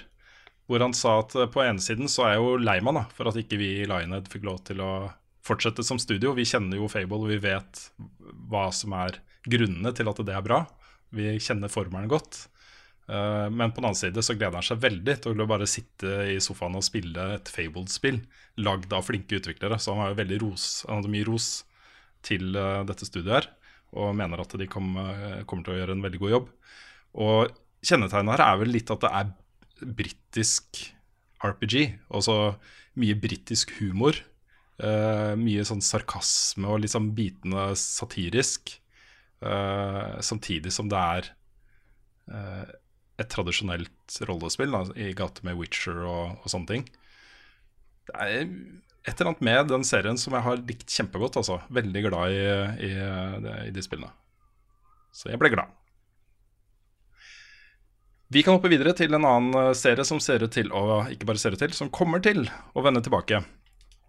Det er noen her i denne podkasten som uh, har et spesielt nært forhold til Theme Hospital. Hell yeah. Ja. det er, Ja, det her er kult. Ja, det er oppretta et nytt studio som heter Two Point Studios. Og grunnleggerne av det studioet er to av Team Hospital-arkitektene. Mark Webley og Gary Carr. Eh, og de kommer nå med et spill som heter Two Point Hospital. Det lanseres mot slutten av 2018 på Steam. Og det er jo eh, tematisk en spirituell oppfølger til Theme Hospital, og de legger ikke skjul på det i det hele tatt. Nei, det gjør de ikke. Det er til og med de samme sånne rare quirky sykdommene. Mm. Sånn som eh, første traileren så viser det en som er light-headed. Og Mm. det vises da med at, han har en, at huet hans har blitt en lyspære. Så det er sånn akkurat passe teit. Ikke sant? Elsker det. Mm. Nei, det så kjempebra ut. Eh, mitt eneste forhold til Team Hospital er klassikerinnslaget du lagde, Carl. Så Samme ja. her. Nei, det, det er et spill som har holdt seg, altså. mm, Det er sånn hver gang jeg Hvis jeg har tatt en pause på fem år, kommer tilbake til det, så er det fortsatt sånn at jeg blir sittende. mm, Det er når det kommer til liksom Kan vel kalle det litt sånn real time strategy, bygge Jeg vet ikke helt hvor hvor jeg skal plassere det, mm, men det er jo det er liksom strategi. Lag et best mulig sykehus som går på skinner, mm. mens du får flere og flere pasienter og ting blir mer og mer hektisk. Men det, er, det spillet er så bra. Det er bare liksom gjennomført bra spilldesign, hele det spillet. mm. Så jeg håper ikke de har mista, mista talentet sitt, de folka der. Nei, det er jo en uh, uh, ukulele Ja, jeg tenkte, tenkte på det. uh, Man vet aldri. Eh, kan jeg nevne kjapt også at eh, det er et indieselskap som heter Oxymoron Games, som, som også jobber med en spirituell oppfølger til Theme Hospital, men det er mer inspirert av. Så de har ikke vært involvert i utviklingen av det spillet. Eh, og det er mer seriøst. Det er mer sånn seriøst Sim-spill. Det heter Project Hospital foreløpig. Um, så det Stemmer. er i hvert fall ting på gang da, for de som var veldig glad i Team Hospital. Det syns jeg er koselig. Det er også mye kos i eh, denne uka her. Det er, det er fint at uh, de forskjellige, forskjellige spillertyper får, uh, får kule ting. Mm. En kjapp nyhet uh, om Assassin's Creed. Eh, dette er et spill jeg ikke har testa og ikke har noe forhold til i det hele tatt. Men det kommer en, av alle ting en remastered versjon av Assassin's Creed Rogue i mars. Eh, Ja, stemmer. Og det var, Rogue var jo en slags oppfølger til Black Flag, Assassin's Creed 4. eh, hvor du, uh, som det eneste spillet i denne serien, spiller som en uh, tempelridder som jakter på assassins. Så de switcher om på formelen. Jeg har hørt rykter om at det skal være ganske bra. Det kom vel ut samtidig omtrent med Unity, gjorde det ikke det? Jo, og det skulle være det bra spillet av de to. Mm. Men det kom vel bare på de gamle konsollene. Det var derfor det er så få som spilte de. Det tror jeg du har rett i, ja. Dette, Fordi Unity kom på PS4 og Xbox One, vel, og så kom det her på PS3 og 360. Det stemmer nok. Uh, og det er vel kanskje en av grunnene til at de gir det ut på nytt. At ikke det helt traff sitt eh, publikum. Eh, Det kommer i hvert fall på PC, PS4 og Xbox One nå, da. Så Ja, jeg lurer på om det allerede var på PC. ja, det kan hende. At det kom på PC litt seinere igjen. Mm. Det, don't quote me on it, men jeg mener det var noe greier der. Mm. Og så var det Spillprisen 2017 i helgen, og det er jo eh, den norske spillbransjen som arrangerer dette her. De eh, har nå i flere år hatt eh, en årlig kåring av fjorårets beste spill, hvor det er delt opp i hva skal man si, spillfaglige priser, med en jury bestående av stort sett spillutviklere, men også folk som er tilknytta bransjen, og en jury bestående av spillpressen, inkludert oss, um, og Gamer.no og Pressfire, som kårer mer sånn generelle priser. Beste spill for liten skjerm og årets spill og den type priser, da. Det er snakk om, snakk om bare norske spill, da. Kun norske spill. Og i år så var det da um, Milkmaid of the Milky Way som uh, ble kåra til årets uh, spill. Det er jo et uh, helt herlig, nydelig uh, mobil- og PC-spill uh, om uh, ja, litt sånn nasjonalromantisk science fiction på rim. Monkey Island i de norske fjellheimen. Ja, jeg skulle ha stukket opp i Level Up Mm. for uh, Husker ikke helt når det var, men det var i løpet av 2017. Ja, det var tidlig, kom tidlig på året. Ja. Nei, det så, så veldig bra ut. Ikke fått rota meg til å spille ennå, men uh, det skal jeg, skal jeg fort. Ja, Det er kjempebra. Det er veldig koselig for han som har lagd eh, det spillet her. Han uh, jobber jo egentlig et annet sted, heltid, og gjorde dette her på fritida. Brukte to år på det. Eh, og ga det ut på egen hånd og gjort alt selv. Han har liksom lagd alt da, i spillet helt på egen hånd. Og så blir det så bra. Eh, Det imponerer meg også. Det er så hyggelig Mm. når sånt skjer. Mm. Og så var det det spillet som fikk flest priser, eh, var jo World to the West, som er laga av Rain Games i Bergen. Eh, Ja. Der dominerte de på de spillfaglige prisene. Eh, de hadde beste art, eh, beste Oreo, Uh, Best Fun for Everyone, og den siste var eh, Var det best Game design. Best Game Design. Game design, var det. Ja. Så de vant jo en hel haug med priser, de også. Eh, ja, så Den siste spillet som vant pris, var Fugl for beste teknologi. Det også er et spill som bør testes også. Det er eh, utrolig stilig. Også ute på PC. Early Access på Steam. Siste Nice. nyhetssak for denne gang skal vi ta litt kjapt, rett og slett fordi her orker vi ikke å, å grave oss nedi ned i lenger. Eh, Det har vært en rettssak hvor Dennis Vareide, den kjente youtuberen eh, Dennis Vareide, eh, saksøkte Benjamin Fallmark Foss for ærekrenkelser eh, etter et par videoer han hadde lagt ut om Dennis. Eh, Og i retten så tapte Foss eh, så det sang, og er dømt til å betale 140 000 kroner i oppreisning og saksomkostninger. Eh, Etter dette her så er også dommen sendt inn til YouTube, og de videoene er nå blokka i Norge. Så kommer de inn dit med norsk IP-adresse, så får de ikke sett dem. Så Riktig. med det så er i hvert fall den saken litt ut av verden. Jeg tipper at uh, saken ikke er helt over. Det kommer til å skje flere ting her, men eh, Det gjør nok det. Mm. Har jo eh, Dennis publiserte også en video hvor han gikk gjennom de anklagene som var retta mot han, mm, eh, og hvor tynne de var. Eh, det også var interessant å se. Han er sikkert, eh, jeg ser for meg at den videoen har sittet, eh, sittet inne ganske lenge. Den har han sittet med lenge, ja. Jeg har veldig respekt for at han venta til dommen hadde falt med å legge den ut. Fordi da Altså, man trengte ikke å være veldig ehm, Jeg ville ikke satt, sagt, satt mye penger på at Dennis kom til å tape i retten her, for å si det sånn. Han hadde en relativt sterk sak, og nå overdriver jeg. Uh, underdriver jeg med det. det er, uh, de fleste var vel rimelig sikre på at, uh, at Benjamin Foss kom til å tape denne rettssaken.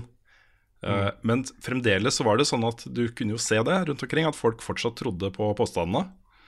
Eh, og det at Dennis venta til dommen hadde falt med å legge ut liksom OK, uh, dette ble påstått, dette er sannheten. Dette ble påstått, dette er sannheten. Hvor han gikk ordentlig gjennom de anførselstegn-bevisene som, uh, som hadde blitt fremlagt i den videoen, og bare skjøt de ned ordentlig. Mm.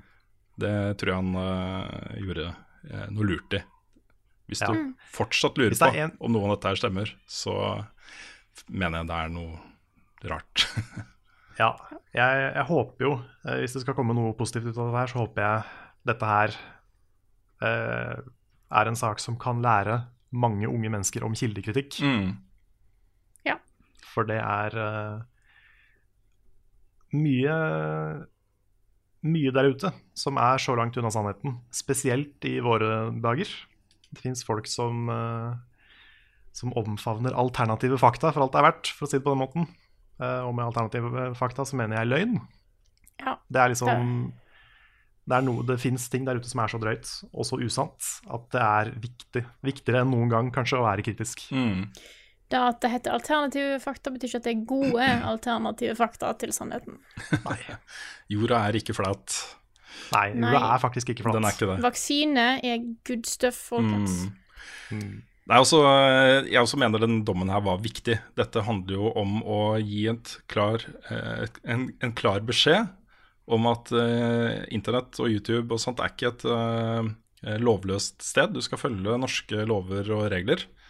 Um, og også an, altså, lover om anstendighet. altså det, å, det å slenge dritt om folk er én ting, men det å komme med påstander som er eh, Hvor du eh, anklager folk for å ha gjort noe ulovlig, f.eks., noe som man kan bli dømt for hvis man blir tiltalt for det og havner i retten, det er ikke bare æreskrenkelser, det er eh, potensielt ødeleggende um, i hele livet til den personen det gjelder. Og hvis det her hadde satt seg for Dennis f.eks., det er jo potensielt tap av jobb og anseelse og venner og familie og alt dette her, liksom. Eh, Det er ikke bare en sånn tulleting. Du kan ikke gjemme deg bak satire når det kommer med sanne påstander. Eh, Og du kan i hvert fall ikke, hvert fall ikke fremlegge eh, beviser uten at de er godt dokumenterte. Det er liksom Ja. Mm. Så et, en viktig beskjed til, til folk dette her, føler jeg også. At man Ja, jeg føler det. Vi- Hvis, hvis den der greia der hadde satt seg som en kultur, så er jeg, er redd for at det kunne fått ganske dramatiske følger. mm, Det er eh, altså, for, blir, blir feil person uh, offer for et sånt angrep, så uh, ja, da kan det skje ganske mye, ganske mye bad. mm. Mm. Nei, man kan ikke sitte og bare humre over at folk blir sure for at noen har uh, kommet med påstander om dem på YouTube, liksom. Det er eh, dramatisk. Det er ganske dramatisk. Og nå er vi jo i ei tid der det er veldig mange som blir støtt for veldig mye rart. Da sier jeg bare som en ting her, men du har lov til å bli sint når folk sier ting som dette her. Da er ikke bare Nei, nå er det noen som er litt for hårsår. Det, når folk sier sånne ting til deg, så er det faktisk Da, da er det greit. Mm. Ja, du er, du er ikke hårsår hvis du eh, Hvis du ikke finner deg i at folk eh, anklager deg for ulovlige, alvorlige ting. Det er altså Offentlige mennesker er mennesker, Mm. og det er det viktig å huske på. Det er et Det er ikke sånn at du har, du har tjukk hud uansett hva som kommer i trynet på deg. nei. Et godt eksempel der ville vært hvis noen lagde en tolv minutter lang video om, uh, om uh, at jeg ikke har hår. Så hadde jeg ikke gått til retten. det hadde jeg latt gli, liksom. Det hadde ikke vært noe problem for meg. Eh, men hvis de hadde beskyldt meg for noe ulovlig, så hadde det vært noe annet. Altså, de to tingene er forskjellige. Dette handler ikke om å bli krenka for ingenting. Dette handler om uh, noe ganske mye mer alvorlig enn det. Så, eh, så jeg håper at, at uh, folk forstår den forskjellen, ikke sant? Mm. Det, er, det er to forskjellige ting, altså. Ja. Og som, som, som en liten apropos, dette er, dette er meg, men jeg begynner å bli vel så lei av de som, si, de som klager på folk som er krenka, Mm. som de som er litt krenka. Jeg syns det er så mye sånn Så fort noen tar opp noe de mener er et samfunnsproblem, så er det sånn Å, er du krenka? Jeg syns det også er en ukultur. Mm. Det er sånn, det skal være lov å prate om ting. Det skal være lov å ta opp ting man syns er kjipt. Mm. Samfunnet jeg- blir ikke bedre om en ikke setter fokus på det som kan fikses. Nettopp. Vi skal uh, ha mer uh, Dennis Vareide og hans kompanjong uh, Ruben Nei, Ruben sier jeg. Uh, Preben. Og Ruben, Ja. for så vidt. Preben og Ruben. Ja. Eh, etter denne lille vignetten.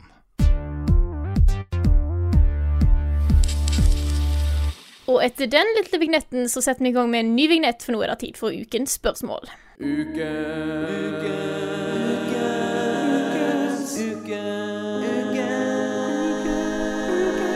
Spørsmål. Ja, nok en gang tusen takk til Mathias Gunnulfsen for det fantastiske eh, bidraget der til podkasten vår, med han som har lagd den vignetten som dere nettopp hørte. Så da setter vi i gang videre med ukens spørsmål, og vi har jo allerede tisa litt om at vi kanskje skal snakke litt om Prebz og Dennis, fordi vi har fått en del spørsmål om hva vi syns om at de skal gi seg, blant annet fra Aylar eh, von Kuklinski, som lurer på hva vi tenker om at Prebz og Dennis nå skal gi seg, Brage Sandnesmo, som lurer på eh, hva vi syns om at eh, Prebz og Dennis har slutta, men òg da spørsmålet vi har valgt ut som ukens spørsmål fra Philip Horvei, som skriver Hei, Level Up. I disse dager er det mange triste Prebz og Dennis-fans etter at det ble annonsert at kanalen deres legges på hylla, og hvis dere hadde gjort det samme, hadde naturlig nok meg og mange andre fans blitt veldig lei oss.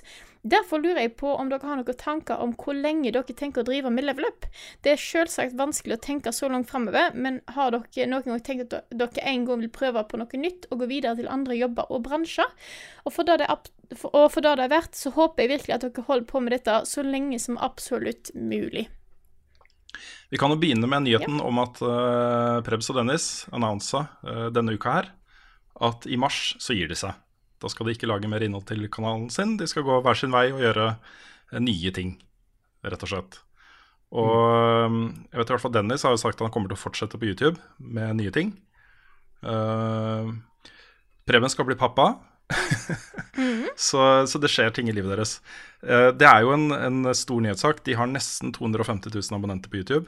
De er den soleklart største uh, norske YouTube-kanalen. Det fins jo ja, norsktalene. norsktalene på norsk, liksom. For et norsk publikum. Det fins større kanaler med et internasjonalt publikum. Uh, og de har jo prega uh, hele den YouTube-veksten i Norge. Uh, de får fullhus på kjøpesentre og i, på shows og alt mulig rart, på cons og osv. Og, så og ja. De, gått, de, går inn i historiebøkene. Og det de mm, sier er Gir seg på topp. Ikke sant. Det de sier er nettopp det. De gir seg på topp. De føler, seg, de føler at Prebz og Dennis har gått sin gang. At det, løpet deres er over at de er klare for å gjøre noe nytt. Og jeg har jo voldsomt respekt for både den jobben de har gjort over mange år, og den beslutningen om å legge det fra seg når de ikke uh, føler at det er det de har lyst til å holde på med lenger. Så um, egentlig bare takk for, uh, for et uh, solid bidrag til norsk YouTube-historie og spillhistorie. Det er Dere har vært bra representanter for norsk spillkultur i mange år. For ja, og det har vært viktig. De har jo et veldig ungt publikum, så det kan jo være da at de har lyst til å gå over til et eh, Til å lage annen underholdning som kanskje treffer noen som er litt eldre. Nå er det bare jeg som spekulerer helt vilt her. Eh, men da er det vanskelig å fortsette med noe sånt på Prebz og Dennis-kanalen, så jeg skjønner at de får testa nye ting, eh, heller vil gjøre det på andre kanaler. Da mm. plutselig skifte eh, Skifte på en måte da en YouTube-kanal gir, når du har så mange følgere, da kan litt lett bli eh, mottatt ganske tungt. Ja, det er helt sant. Mm. Jeg, har veldig, jeg, har veldig, forståelse for det der behovet for å bryte litt ut av det gamle. Jeg, det var en periode som jeg følte meg litt sånn trapped i uh, kanskje først og fremst Minecraft-videoer. Det var sånn Hvis jeg prøvde meg på et annet spill, så var det sånn Nei, Minecraft! så man blir litt sånn Man skal ikke ta sånt for mye til seg, men man blir samtidig litt sånn der uh, Ja, det er dette her som har blitt min ting nå. Mm. Ehm, men det er viktig uh, sånn for, for, sin egen eh, kreativitet og selvfølelse, tror jeg, Og kunne liksom begynne på nytt noen ganger, prøve nye ting. Mm. Eh, veldig respekt for at de faktisk gjør det, at ikke de bare lar seg, lar seg fange av den suksessen de hadde. Ja, for de gir jo fra seg liksom en ganske trygg hverdag. Med ja, god inntekt og masse følgere og alt de det der. De kunne levd fint på Presse Dennis i mange år. De kunne det, også. Så um, absolutt. Så jeg syns det, det, er bra at de gjør det. At ikke de lar seg styre av, uh, av den delen. Mm. Mm. Så uh, veldig, uh, veldig spent på hva de gjør. Og ja, det blir kult å følge det. Ja, og så, og så er det noe med det du sa om at, at de har mange unge seere. Det er jo også en Det gjør jo også at jeg føler ikke at jeg har vært i målgruppa for det Prebz og Dennis har lagd, så jeg har nesten ikke sett noen av de videoene de faktisk har lagd. Jeg har ikke fulgt de selv personlig. Jeg, det er mer sånn at jeg kjenner det litt Ikke godt personlig, jeg kjenner det litt personlig og snakka med det og uh, fått med meg hvordan de fremstår og, og den type ting. da um, Så jeg føler ikke at det er i målgruppa. Og, og sånn sett så blir jo på en måte vår situasjon også litt annerledes enn deres situasjon. Fordi alle de uh, brukerundersøkelsene vi har gjort, både i VG-sammenheng og uh, den, den, statistikken vi ser på YouTube og podkasten vår, så har vi et mye mye større spennvidde i alder. Og vår største uh, seergruppe har alltid vært 18 til 35. Um, mens vi var størst på VGTV, så tror jeg eh, den typiske uh, level up-seeren var sånn 18 år gammel. Uh, tror jeg var liksom der den lå, da.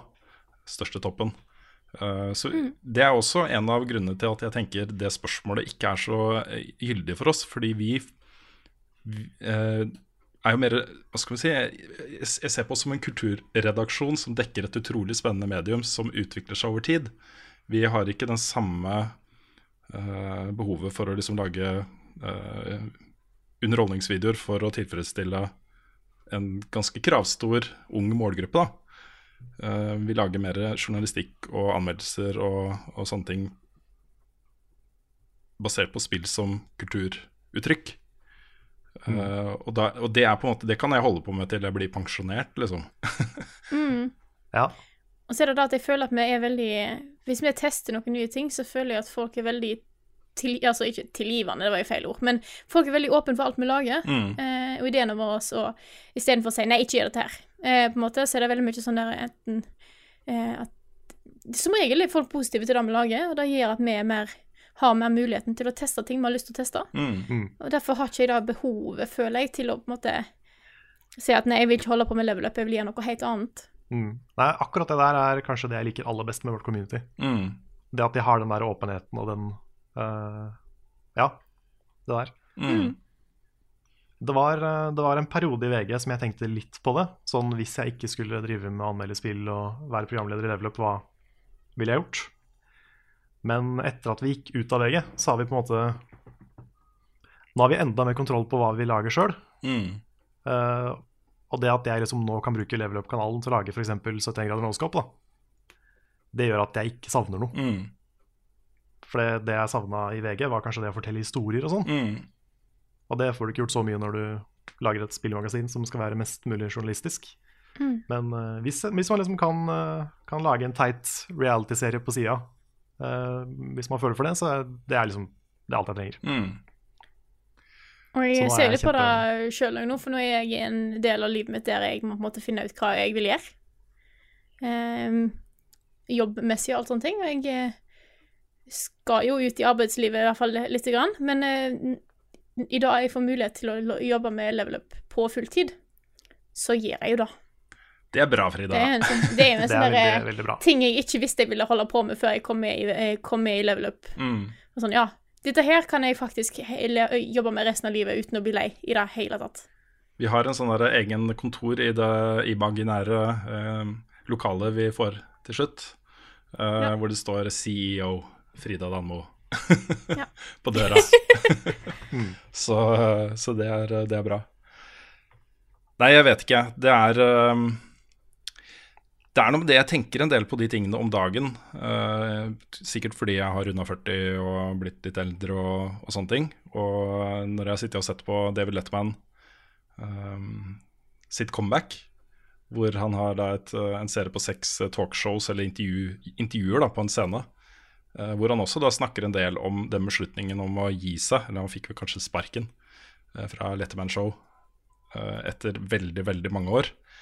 Uh, den derre Det å komme til en eller annen erkjennelse om at ok, når man gått, når man er ferdig, man har gjort det man kan gjøre her, og bør gå videre til noe annet, sånn at ikke man setter seg fast det er liksom, det er så langt unna den følelsen med det, de tingene vi holder på med, at, øh, at jeg, det er liksom Jeg føler ikke det er relevant. Men det kan jo bli det en dag. Hvor, øh, Ja. hvor, øh, hvor jeg tenker at kanskje Kanskje jeg har ønska velkommen til nok level updates eller uh, et eller annet, liksom. Det kan jo hende det skjer. Um, det følger veldig, For min del så følger det veldig utviklingen til spillmediet. og Hvor mye kult som skjer der, og hvor mange interessante ting som skjer, og hvor, hvordan det former og påvirker livene våre. Det er på en måte noe som gjør det litt udødelig. Uh, Ja, det er sant. Hadde det, hadde det bare vært liksom lootboxer og sånne kjipe trender hele tida, mm, hadde det ikke vært den der oppblomstringa av sånn 100 spennende ting på sida, mm, så hadde Ja. det vært verre, ja. tror jeg. Hvis det hadde blitt en utrolig sånn kynisk og kjip industri, Mm. og bare det, Ja. så hadde jeg kanskje slitt mer.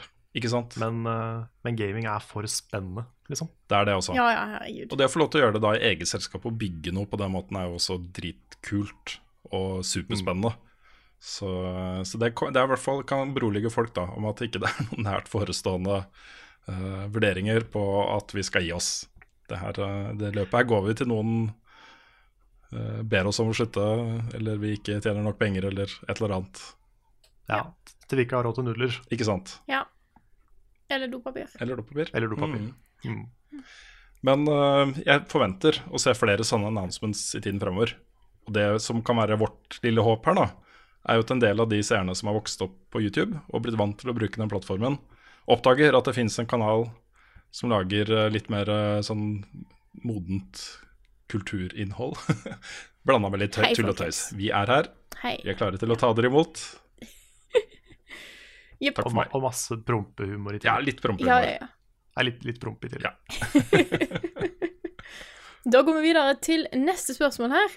Eh, som er fra Kent Vidar Jensen, som skriver Går ryktet om at gamere er lei av lange spill som tar for lang tid, og da vil eh, spillprodusentene lage de kortere, men samme prisklasser. Hva tenker dere om dette her? Jeg mener i hvert fall at lange spill med skikkelig story som man blir dratt inn i, er så mye mer verdt enn spill med dårlig, dårlig kort story som man spiller gjennom på få timer.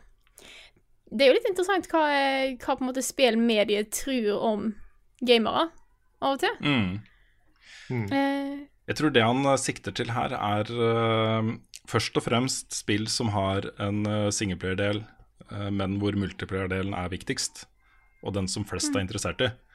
Det er vel særlig den trenden du har sett i, i skytespill og den type spill, hvor man i gamle dager kunne ha lange, feite singleplayer-campaigns, som det kanskje tok 20-30 timer å fullføre. Men hvor det i dag Du blir ikke overraska hvis du raser gjennom en singleplayer-campaign i et skytterspill på fem-seks timer, liksom. Det, det er relativt vanlig. Så jeg tror det er mer der, fordi samtidig så viser jo at um, både salgstall og kåringer og sånt at, uh, at flere av fjorårets aller beste og mestselgende spill var jo lange singleplayer-opplevelser, som Horizon Zelda. og Zelda. Super og Mario. Persona 5, Ja, Mario, ja, eh, Nier Automata, Mm. Xenoblade. Alle disse spillene er jo 40 timer pluss, pluss, Ikke sant? pluss. Ja. Mm. Og eh, jeg, jeg, sier ikke, jeg sier ikke at det er det han mente, men jeg, er også litt, jeg er også litt forsiktig med å på en måte si at en lang historie er en god historie, og en kort historie er en dårlig Mm. historie. Um, For det, kvaliteten på en historie kan jo Altså, en, en god historie kan fortelles på en time, og den kan fortelles på 100, liksom. Mm. Men eh, sånn for min egen del, da, så er jeg veldig glad i lange singleplayer-historier.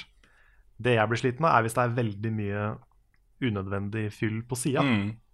ja. Sånn type de, de 400 ikonene på kartet liksom, som bare er sånne halvkjedelige sidequests. De kan jeg godt klare meg uten. Mm. Og da kan, da kan spillet gjerne være 50 timer kortere hvis jeg slipper de. Ja. Liksom. Um, men uh, lang historie er bare bra. For min del. Mm. Enig. Jeg tror ehm, Jeg tror akkurat som, eh, som Horizon osv. Uh, har påvirka Microsoft til å da sannsynligvis, angivelig, ifølge rykter, satse på Fable igjen, så, så er jeg litt sånn glad for de trendene som 2017 sannsynligvis vil uh, føre, føre til. da. Uh, og det, det er, Her går det an å satse på lange, tunge singleplayer-opplevelser eh, i svære, eh, innholdsrike verdener eh, hvor man ikke duller for mye med spillerne. Og det er eh, Ja, jeg tror vi kommer til å se mye, mye av det framover. Hvor folk tør å satse på den. Og jeg forventer også at i løpet av 2018 så får vi mange fete announcements på helt nye spill og nye spillkonsepter basert på liksom inspirasjon fra den type spill. Da. Så, så jeg tenker at særlig uh, Zelda og Horizon, for min egen del, liksom, hva jeg har lyst til å spille, tror jeg mange som er liksom endelig tenker at ok, nå kan vi gå og realisere den drømmen om det spillet vi fikk for fem år siden, men alle bare ba oss om å la være. Uh, nå kan vi kjøre på. Uh, det blir, ja, det blir helt konge. Det var gøy å se hvor mye pushback den ene kommentaren om at singleplayer er ferdig, uh, fikk. Ja. For da gikk jo hele holdt på å si nesten hele spillmediet ut og bare fuck off. Mm. Og det var, litt, det var litt kult å se. Ja, det var det.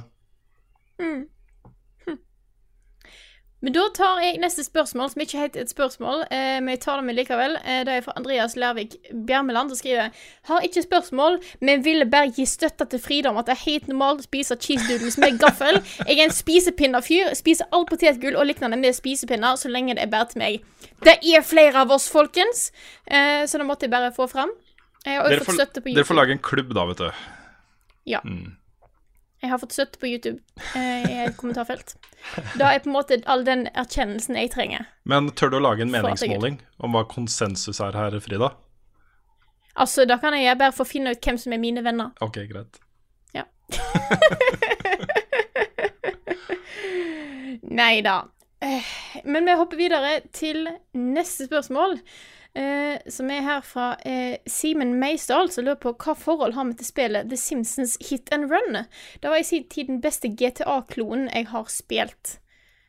Har spilt det. dere var? Det var veldig gøy. Jeg har ikke, ikke spilt det. Mm. Jeg hadde det. Da, eh, jeg hadde det på GameCube.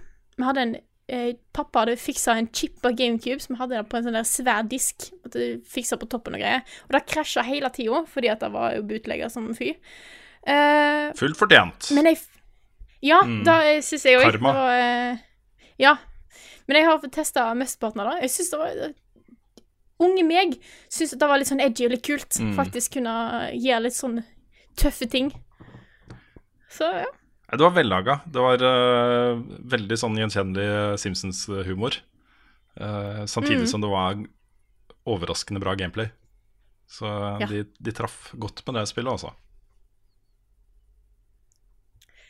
Vi hopper videre her nå til eh, Jon Magnus Restad, som har et spørsmål til oss. Han skriver Smugtitter dere noen gang på walkthroughs og lignende for å komme dere litt raskere gjennom et spill dere ikke skal anmelde, og må være litt kjappe med? Eller er det helt uaktuelt alltid? Takk for at dere jobber langt mer enn det dere egentlig får betalt for. Ja, Det kan man i hvert fall trygt slå fast. Ja, det, det er hyggelig. Jeg, Ja. jeg, eh, jeg er eh, tilhenger av eh, guides og walkthroughs og sånne ting, jeg, altså. Jeg har ingen problemer med å bruke det. Jeg, det er ikke sånn, jeg prøver jo først på egen hånd, selvfølgelig. Men eh, jeg, jeg føler ikke er at for min- egen del at det jeg får en dårligere spillopplevelse av å få litt hjelp. Og Et godt eksempel er jo er- Dark Souls, unnskyld. Dark Nei, Souls-serien vår, hvor jeg har hatt en walkthrough sittende ved siden av meg i sofaen. Med Carl og Svendsen på hver sin side, som eh, kom med gode råd og innspill basert på hvilket nivå jeg ønsker at det skal ligge på. da Jeg syns det er herlig. Ja, vi har, latt, vi har latt deg styre den litt. Ja. Fordi uansett om vi hjelper deg ikke noe, eller hjelper deg for mye, så kommer noen til å bli sure. Mm. Det er sånn, Enten så får du høre at 'ja, men Rune får jo ikke med seg noen ting'. og så blir alle sure for det. Eller så blir de sure for at eh, 'Rune får for mye hjelp'. Mm. Så du kan på en måte ikke vinne den uansett. Da. Nei da. Så da, da bare sier vi at Rune bestemmer. Mm. Ja. Jeg har et eksempel fra gamle dager også, hvor eh, jeg satt og spilte Tomb Raider med søstera mi. Hvor vi Vi var så irriterte over alle de fiendene som drev og skjøt på oss, og de eh, dyra som drev og angrep oss og drepte oss og sånne ting. Kunne jo ikke bare få lov til å utforske disse gamle ruinene av, eh, fra eldgamle sivilisasjoner i ro og fred, da. Det var det vi hadde lyst til, ikke sant. Og da fant vi ut at det fantes en sånn eh, kode du kunne trykke på kontrolleren for å få health, health packs. Så vi hadde jo alltid bare massevis av health packs og raste gjennom de actionsekvensene uten særlig problemer. da. Eh, de eneste tingene vi døde av, var at da vi hoppa i avgrunnen, liksom. Og det gjør man jo hele tiden. Men det syns vi var fair, da. Men de andre tingene var sånn Ingen problem for oss å få den hjelpa for å komme gjennom de sekvensene. Så det er eh, litt sånn jeg er, kanskje. Min store frykt når jeg anmelder et spill som ikke er ute ennå, er at jeg sitter fast og ikke kommer Mm. videre, og det fins ingen andre som har spilt det. ja. Og det var sånn, ja, jeg får ikke, spilt, får ikke anmeldt det fordi jeg finner ikke hvor jeg skal gå hen. Det kan skje. Eh, ja, Det har skjedd. så da er Ja, jeg, jeg har heldigvis ikke vært der ennå. Jeg har vært, jeg har vært et par ganger og vært sånn Hvor skal jeg nå? Jeg er hjemme, jeg er forbanna! Så finner jeg ut det etter hvert. Mm. Men, eh, men det, hender at jeg eh, sitter bare sånn der Nå vet ikke jeg hvor jeg skal. Jeg har brukt litt lang tid på det. Jeg skal anmelde det. Bare få meg videre forbi denne greia her. Det gjør jeg fordi jeg, jeg hater å bli sånn, sånn irritert fordi at gamedesign er dårlig, eller et eller annet. Jeg har ikke fått med meg en eller annen teit informasjon og ikke kommet meg videre. Da bare sitter jeg og får en dårlig opplevelse av spillet for at jeg blir sint på meg sjøl. Mm. Da på en måte Jeg går forbi den. Eller hvis jeg har vært på en boss litt for lenge, bare sånn der Jeg gjør Altså, jeg, jeg har liksom funnet ut det som jeg tror er rett måte å gjøre det på, men jeg får det ikke til å funke. Så tar jeg ofte og sjekker om eh, det jeg gjør, er rett, om jeg bare må prøve litt til, som det som regel er, eller om jeg, gjør, om jeg er helt på bærtur. Mm. Mm. Vi hadde jo Det var ganske Gå først. Ok. Um, I gamle dager hvor vi hadde papiravisside, spillside i papiravisa, så hadde vi en fast deadline. Også når vi hadde magasinet vårt på VGTV, så den skulle ut fast hver tirsdag uansett, liksom. Eh, så vi hadde en deadline. Og hvis jeg var i en sånn situasjon som du beskriver, sp- skriver der, Frida, så øh, har jeg hatt flere, flere samtaler, bl.a. med Jarle i Pressfire. Uh, helt konkret på um, Last Guardian. hvor han hadde kommet lenger enn meg. Jeg sto fast et par steder. Og var sånn eh, Jesus Christ, jeg kommer meg ikke videre her. Gjør jeg dette helt feil? Hvor jeg spurte han, rett og slett. Så da hadde jeg liksom han som hjelp, da. Det var jo fantes ikke noe guide på det spillet, for det var jo før lansering. Så, så det, det har jeg gjort. Jeg var veldig nervøs for Dark Souls 3 da jeg skulle anmelde det før lansering. Mm. For der er det sånn hvis du sitter fast på en boss, så går man jo gjerne litt på internett etter forsøk nummer 20. Men eh, det fantes jo ikke noe på internett, Mm. så da måtte jeg liksom bare, bare spille gjennom det spillet uten hjelp. Mm. Men det endte opp med å bli en dritkul opplevelse, da. Ja. Fordi jeg faktisk klarte å komme meg gjennom det. Og det var eh, Det er ikke alltid en selvfølge i Souls. Men det er også et poeng, da. Eh, ta raidene i Destiny, f.eks. Som jeg alltid har gått inn i blindt. Jeg har ikke sett noe fra de før jeg går inn. Men etter at man har stått fast tre timer på samme boss, så har jeg null problem med å gå og få fasiten på hvordan man gjør dette her for å komme seg videre. Um, da er det gjerne ting man har tenkt på eller vært innom eller et eller annet. Jeg, det ødelegger ikke opplevelsen for meg. Hvis uh... Nei. Nei, jeg pleier å sette meg sånne grenser, eh, som regel. mm, Sånn som i Mario Odyssey skulle jeg ikke bruke guide før jeg var helt bombesikker på at dette her finner jeg ikke. mm, For et par sånne der, eh, bilder, blant annet, hvor du liksom må finne en måne som er begravd i bakken, og så må du være akkurat der. De, der var det et par som ikke jeg fant. Og så var det vel Jeg tror jeg bestemte at jeg skulle ha 100 shrines i Breath of the Wild før jeg skulle begynne å slå opp hvor de var. mm, Uh, og The Witness så skulle jeg ikke bruke guide i det hele tatt. nettopp. Så det, er, eh, det kommer litt an på spillet. Mm. Absolutt. Da har vi kommet til den delen der jeg spør om dere har sett noen bra spørsmål dere vil ta opp. Du har tatt et par av de som Ja. jeg hadde notert meg. Men skal vi se. Ja, nei eh, Jeg, jeg vurderer et spørsmål her fra Mathias Kjølstad. Vi er jo vanligvis, eh, vi er vanligvis liksom positive til, eh, til fremtidige spill og sånn. Men han spør hva tror dere blir årets dårligste trippel A-spill. oh. Så jeg vet ikke om vi har vi noe bra svar på det.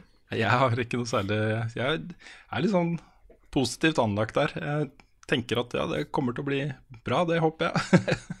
tenker ikke så Ja. mye over det om Hva, trippel A-spill er det som kommer ut i år, da? Som vi Nei, det, er jo, det er jo en del stort Altså det er, ikke, det, er, det er ikke noen av de jeg tror blir dårlig. Det er noen av de som potensielt kan bli dårlig. Så da, det første jeg tenker på, er jo eh, Det er kanskje litt slemt, men Detroit. mm. ja. Det er et spill som kan enten bli veldig bra eller veldig dårlig. Alt ettersom. Mm. Oi, shit, der eh, holdt jeg på å rive ned hele bordet mitt her.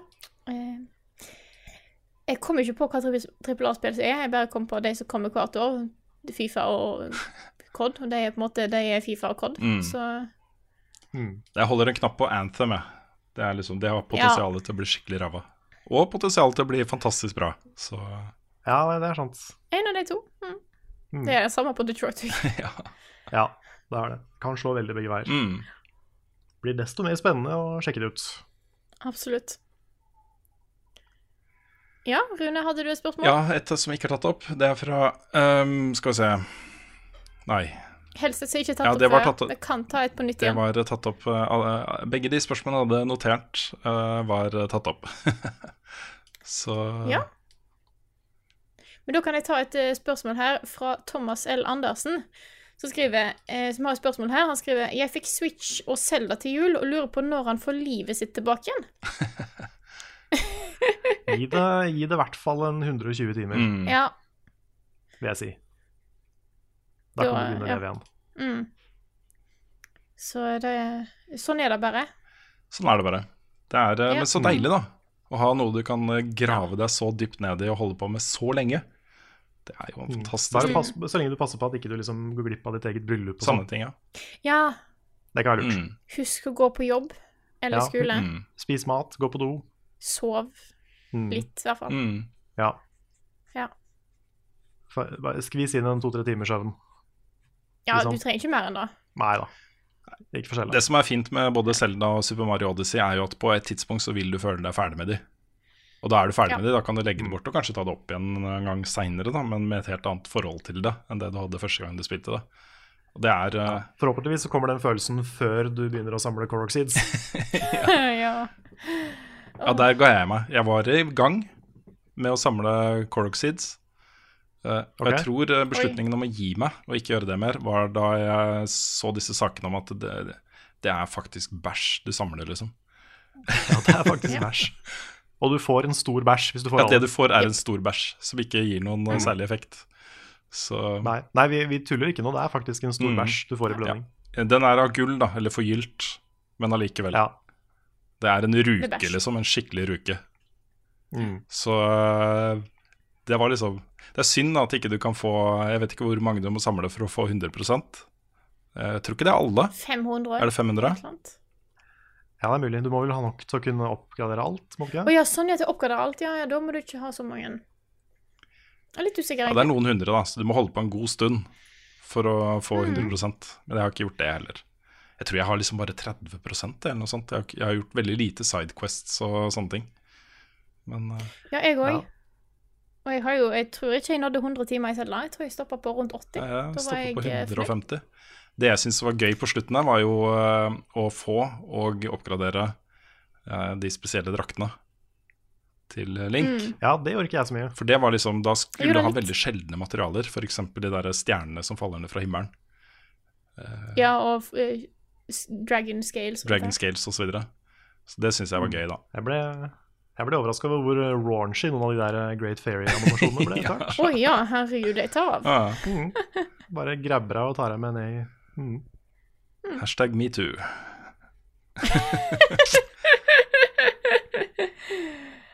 Men hvis ikke du hadde et spørsmål, Rune, så tror jeg kanskje at vi tar en runde av. Hvis ikke Carl hadde et ekstra. Nei, jeg, var, eh, jeg er fornøyd. Rune er fornøyd? Jeg er fornøyd. Da er jeg fornøyd. Mm. Da vil jeg først og fremst si tusen takk til alle som støtter oss på Patron. Dere er fantastiske folk, og vi kunne ikke klart dette uten dere. Tusen, tusen takk. Thank you. Så hvis du som hører på har eh, lyst til å støtte oss eh, med det bidraget du sjøl føler er eh, passende, eller det du har lyst til å støtte med, så kan du gå inn på vår Patron, Patron Level Up Norge på Patron. Ja. Da blir- Patreon.com slash Ja. Jeg er så dårlig på å huske URLs. Ja, vi har ikke alltid samme URL på ting. Nei, det, det, det er det, litt, da. eh, Så jeg, Det er litt teit. så jeg har prøvd å tenke meg Å, se der, ja! Der er den tilbake igjen. Herlig. Oi, oi. Alle som har savna den. Ja. Ja. Ja, det er vakkert. Ja.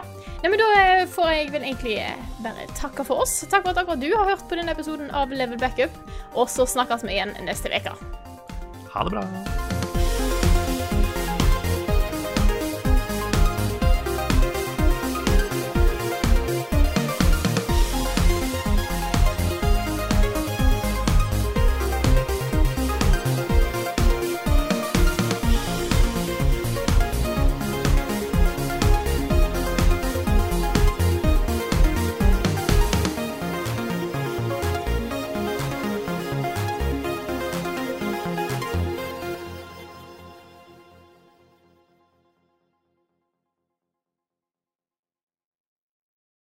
Har du et enkeltpersonforetak eller en liten bedrift? Da er du sikkert lei av å høre meg snakke om hvor enkelt det er med kvitteringer og bilag i fiken, så vi eh, gir oss her, vi. Fordi vi liker enkelt. Fiken superenkelt regnskap.